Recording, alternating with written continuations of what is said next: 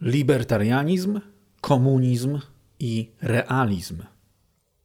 Niektórzy uważają, że istnieje analogia między komunistami twierdzącymi, że prawdziwy komunizm nie zdegenerowałby się w sowiecki totalitaryzm, a libertarianami twierdzącymi, że prawdziwy wolnorynkowy libertarianizm nie zdegenerowałby się w korporacyjny etatyzm.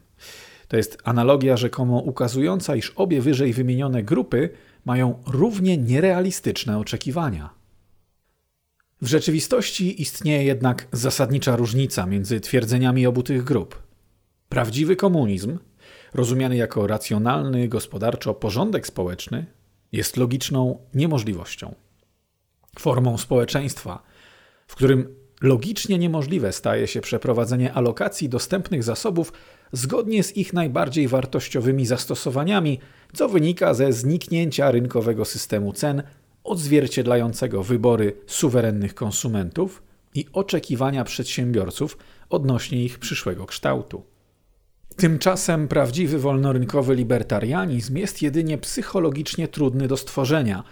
Podobnie jak doprowadzenie do zniesienia niewolnictwa było trudne z uwagi na to, jak szeroką akceptacją cieszyła się ta instytucja – tak jeszcze trudniejsze jest przekonanie większości osób do odrzucenia syndromu sztokholmskiego oraz innych błędów poznawczych, które są prawdopodobnie głównymi siłami podtrzymującymi przy życiu terytorialne monopole przemocy, korumpujące przedsiębiorców subsydiami, monopolistycznymi przywilejami, opartą na pustym pieniądzu ekspansją kredytową i tym podobne.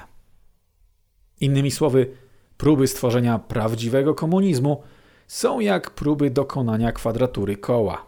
Są one oparte nie tylko na nierealistycznych oczekiwaniach, lecz również na fundamentalnych błędach logicznych. Tymczasem próby stworzenia prawdziwego wolnorynkowego libertarianizmu to tylko i aż próby znacznego zwiększenia wiedzy ekonomicznej i świadomości moralnej większości osób. Mowa tu więc o różnicy między trudnością a niemożliwością a jest to w tym kontekście różnica naprawdę istotna.